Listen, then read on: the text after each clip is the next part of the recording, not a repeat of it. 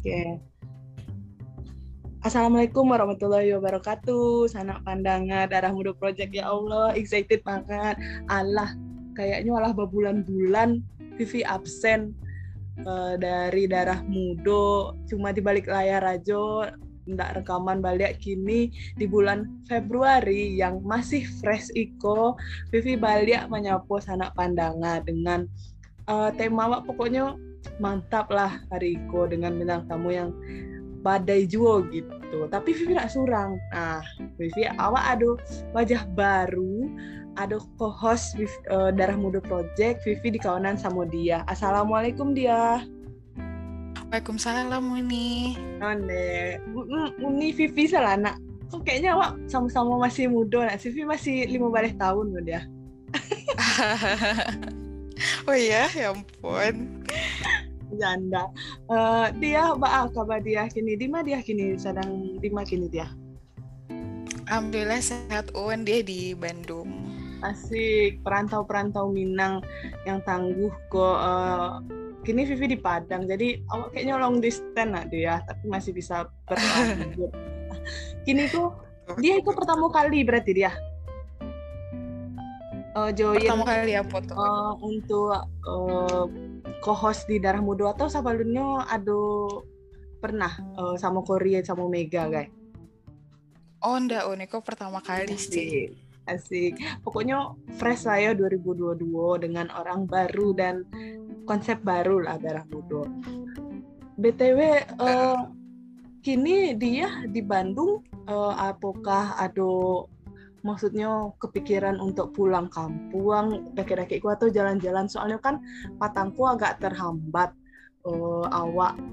Maksudnya karena lebaran nggak bisa kama akhir tahun nggak bisa kama gitu. Biasanya beberapa orang biasanya melampiaskan untuk jalan-jalan atau kepikiran kama gitu di bulan Februari Januari. Punya cita-cita kama nggak sih dia gitu Oh, kalau kepikiran yang gini sih inginnya pulang ke Sumbar ya, Un. Soalnya Sumbar kan udah kayak sama keluarga.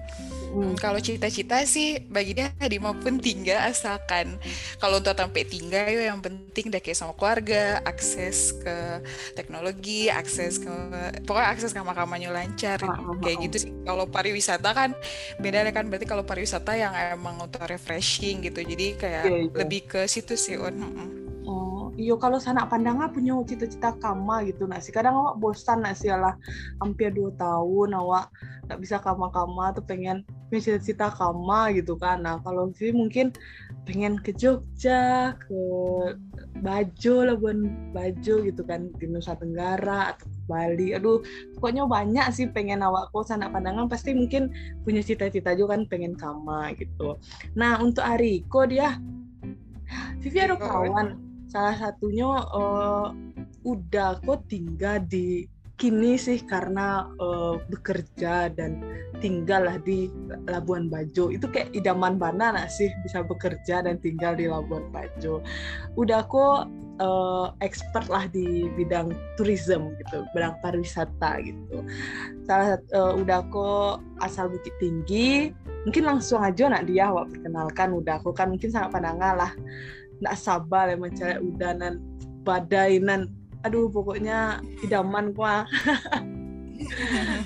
Udah ada udah Abdul Haris Manggala Putra. Assalamualaikum udah Waalaikumsalam Vivi dia uh, oke okay, kok manggilnya abang udah uh, atau siapa?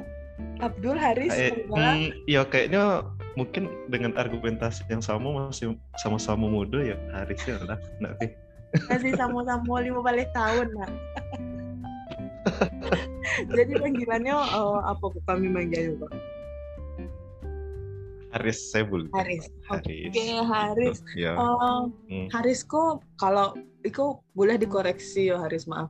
Haris kok salah satu uh, sustainable yeah. tourism dari uh, Swiss Contact di Labuan Bajo gitu. Cuma untuk lebih kenalnya sama Vivi, sama dia, sama sanak pandangan sih lebih tepat. Mungkin udah Haris bisa memperkenalkan diri uh, secara singkat lah, tapi secara lengkap boleh juga. Biasa anak pandangan lebih kenal siapa udah yang ganteng kok ini kuat gitu kan. Aduh. Oke. Um, ya, assalamualaikum. Uh, sana sana sadanya uh, perkenalkan kalau nama lengkapnya tuh Abdul Haris Manggala Putra. Nah, biasanya diimbau dari zaman sekolah sampai kini di Monyo masih Haris gitu. Nah, terus uh, alhamdulillah kini sehat-sehat saya di rantau. Kebetulan kini berdomisilinya di Labuan Bajo, uh, Manggarai Barat gitu. Oke, di Siko Allah dari uh, tahun 2008 balik gitu. Terus kegiatannya juga masih seputar uh, untuk pengembangan pariwisata baik di masyarakat atau secara di destinasi secara umum gitu Labuan Bajo. Nah di luar itu juga uh, Laijo lah terlibat jo kegiatan beberapa teman-teman komunitas di Siko dan lebih banyaknya di lingkungan gitu untuk mengisi waktu di luar Karajo. Lebih kurang itu dulu ya, Jadi udah Haris, eh udah lo Haris, uh, biar sama-sama muda maaf.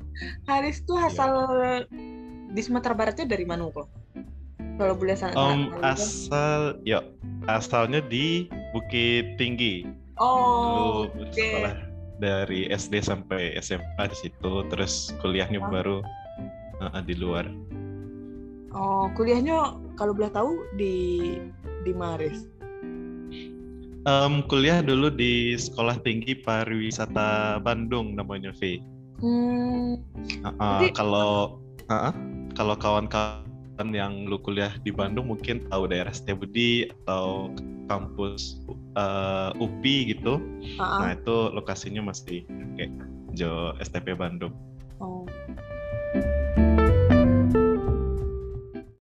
Berarti Seru mana lah si Haris ketek di Bandung? Eh, eh maaf Bukit Tinggi lalu kuliah di Bandung sekarang tinggal di Bajo. Aduh idaman mana lah sih? Maksudnya itu adalah kayak konsep tempat kehidupan yang sangat menyenangkan. Kalau kece awak kalau kece awak kan? Ya nggak sih? iya. Kalau yang nampak ya. Iya tempat. Jadi fase kehidupan harus dilalui di tempat-tempat indah gitu ya Bukit Tinggi indah, Bandung indah, apalagi Labuan Bajo gitu. Tapi mungkin uh, btw uh, boleh sabananya apa sih latar belakang Aris tiba-tiba bisa di Bajo gitu dari kalau dari Bukit Tinggi ke Bandung kan uh, sekolah terus uh, lalu di Bajo itu tiba-tiba apakah memang berencana ibaratnya uh, oke okay, akan kerja di Bajo, nyari tempat tinggal di Bajo, atau uh, pokoknya memang ada target gitu untuk tinggal di karena Haris bergelut di bidang turisme gitu, jadi pengennya tinggalnya di tempat yang ya memang kelola pariwisatanya sudah bagus gitu. Boleh nggak cari itu terkait itu, Haris? Iya. Jadi dulu sebenarnya pas kuliah itu kan memang uh, dan kebetulan waktu itu program studi ini namanya manajemen bisnis pariwisata gitu, Vi. Nah, hmm. jadi di tiap semester itu memang ada kegiatan pai keluar gitu ya mungkin setidaknya ke Jakarta, ke Sukabumi, Batam, Bintan kayak gitu untuk uh, mempelajari lah gitu uh, pengelolaan pariwisata di luar kayak gitu kan di luar daerah. Nah, terus uh, dulu setelah lulus sempat kerajo sih di salah satu hotel yang ada di dalam kawasan Bandara Soekarno di Tangerang. Nah, sudah tuh hmm, pas uh, kerajo di hotel, nah kan udah baru kerajo ya, pasti mungkin sana-sana ada aja merasa, duh kayaknya kok uh, rasanya pengen coba hal-hal yang lain ya kok kayak uh, mbak rasanya mungkin lah ada rasa bosan gitu ya ketika melakukan keseharian sama hari gitu kan. Nah, waktu itu ya dicari lah informasinya di internet kebetulan uh, waktu itu memang niatnya kayak uh, pengen lah Karajo untuk uh, pengembangan pariwisata gitu terlepas di mana pun daerahnya. Uh, waktu itu kebetulan dapet dan diagih kesempatan untuk uh, bergabung di salah satu proyek namanya di Yayasan Indonesia Ecotourism Network yang disingkatnya Indikon gitu berkantor di Jakarta.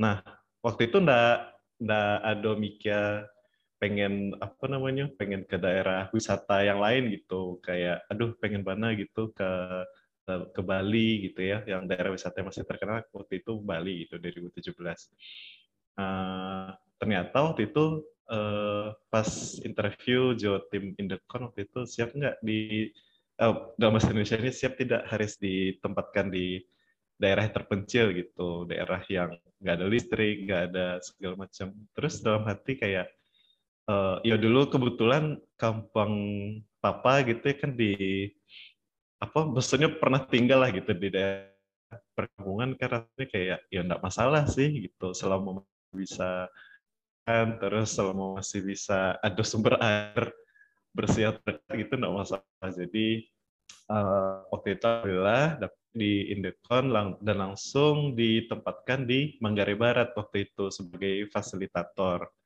Nah, awalnya waktu itu enggak tahu sih, enggak terbayang gitu. Oh, di Labuan Bajo gitu. Jadilah terbayang, oh Labuan Bajo seru ya lautnya segala macam, Sobok Komodo kayak gitu kan. nah, ternyata pas baru tiba di Labuan gitu, oh Iko Labuan Bajo, Iko yang jadi ikon uh, pintu masuk untuk ke Komodo gitu. Nah, jadi kayak benar-benar uh, mengikuti alur sih waktu itu awal-awal. Karena concernnya lebih ke bagaimana bisa terlibat lah untuk pengembangan pariwisata gitu. Nah akhirnya ditempatkanlah di sebagai fasilitator di Manggarai Barat gitu. Oh jadi memang uh, awalnya ngikutin Karajo aja, padahal awalnya pengen di Bali padahal sebelumnya nak. Dulu iya dulu tuh kan yang masih destinasi yang terkenal kan uh, Bali gitu ya. Nah seiring apa namanya mulai adanya waktu itu program pemerintah namanya tuh 10 Bali Baru gitu. Nah, oh. Nah, yang salah satunya itu ada Labuan Bajo. Nah, makin kasiko makin uh, banyak lah istilah-istilah untuk program pemerintahan kan mulai dari setelah 10 Bali Baru sudah itu ada lima destinasi prioritas gitu. Dan Labuan Bajo juga masih termasuk di dalam itu. Dan sekarang makin meningkat uh, makin baik, makin bertambah gitu statusnya setelah lima destinasi prioritas. Dalam baju itu destinasi super premium gitulah istilahnya. Karena diproyeksikan uh, menjadi salah satu destinasi dunia gitu selain Bali. Dan ya insya Allah sih kalau misalnya Omicron atau COVID uh, dapat dikendalikan gitu menjadi salah satu destinasi juga untuk uh, apa namanya acara side event dari G20 gitu dalam tahun itu 2022. Oh berarti sampai empat tahun kan kira-kira kalau dari yo awak tuh kepo-kepo sakit nak Haris yeah. dalam sampai tahun di di Bajo gitu Haris tuh oke okay, uh, I will fight in this area gitu. Maksudnya kayak oh gue menemukan ada yang menemukan Ikoko gitu kan. Kayak uh, di Bajo menemukan kayak um, emang Haris Bana gitu di Bajo. Atau uh, karena ya udah mengikuti alur saya karena memang kebetulan ibaratnya kayak gitu. Uh, setelah empat tahun ini apakah ada memang terbersit pikiran kayak gitu Res? Uh, sebenarnya sebelumnya untuk berkegiatan sebagai pendamping itu berproses sih, Vi, sebagai mm. fasilitator gitu kan. Nah, terus waktu itu ditempatkan di uh, salah satu desa gitu. Jadi kalau dari Labuan Bajo itu sekitar dua jam sih uh, perjalanannya mm. pakai motor. Nah, ditinggal di desa itu, terus ya awal-awal kan pasti masih didampingi uh, jo fasilitator yang lain gitu. Dikenalkanlah jo kelompok uh, penggerak pariwisata yang ada di desa jadi ada semacam guide lokalnya, terus ada juga kelompok kuliner, mama-mama. Nah, jadi kalau di sekolah sebutan untuk ibu-ibu gitu mama-mama ya. mama-mama. Jadi kegiatannya banyak uh, berhubungan jo mereka gitu kan, kulinernya terus membuat produk-produk kreatif, misal uh, semacam cemilan kayak gitu kan. Yang mana itu jadi salah satu isu juga di Flores kalau mereka tuh banyak sebenarnya bahan baku seperti pisang, kacang mete, tapi karena uh, kurang mendapat informasi mungkin ya Pak mengolahnya jadi akhirnya barang mentahnya itu dijual dan dibawa ke Jawa. Nah Beko di Jawa diproses menjadi barang jadi dikirim balik ke Flores gitu kan. Nah waktu itu proyeknya mencoba lah itu. Jadi kayak Ai rasanya tuh hmm, sharing ilmu jo masyarakat tuh Mbak A ya rasanya. Ada hmm. kepuasan tersendiri gitu. Kalau misalnya sharing ilmu atau membantu ketika itu bisa dijalankan atau dari masyarakat ada feedback yang positif rasanya kayak terpuaskan gitu. Atau pasti ada kayak setitik rasa senang lah gitu. Oh hmm. gitu ya rasanya gitu. Nah jadi Uh, dengan berproses waktu itu ya sekitar lebih kurang satu tahun lebih kayak oh kayaknya rasa sih untuk melakukan kegiatan pendampingan gitu. Yang mana biasanya kan kalau program pelatihan ya udah cukup sekali gitu setelah itu ditinggal kan. Nggak mm -hmm. tahu mbak kelanjutannya, gitu. Jadi betul betul. Jadi dengan melakukan kegiatan pendampingan kok lebih kurang benar-benar mbak ya terlibat langsung lah di prosesnya gitu. Kalaupun ada yang salah atau karena kan namanya latihan gitu kan dan mengajarkan hal baru di uh, komunitas atau di masyarakat kayak gitu. Uh, jadi kayak benar-benar ya, ya kami tunggu sampai Iko benar-benar berjalan sampai jadi baru Biko berjalan secara mandiri karena yang kita tahu kan kalau kegiatan LSM itu tidak selamanya ada di destinasi itu gitu pasti ada rentang waktunya baik itu karena keterbatasan anggaran yang pasti dan juga mungkin ya dengan kesepakatan dengan berbagai pihak gitu.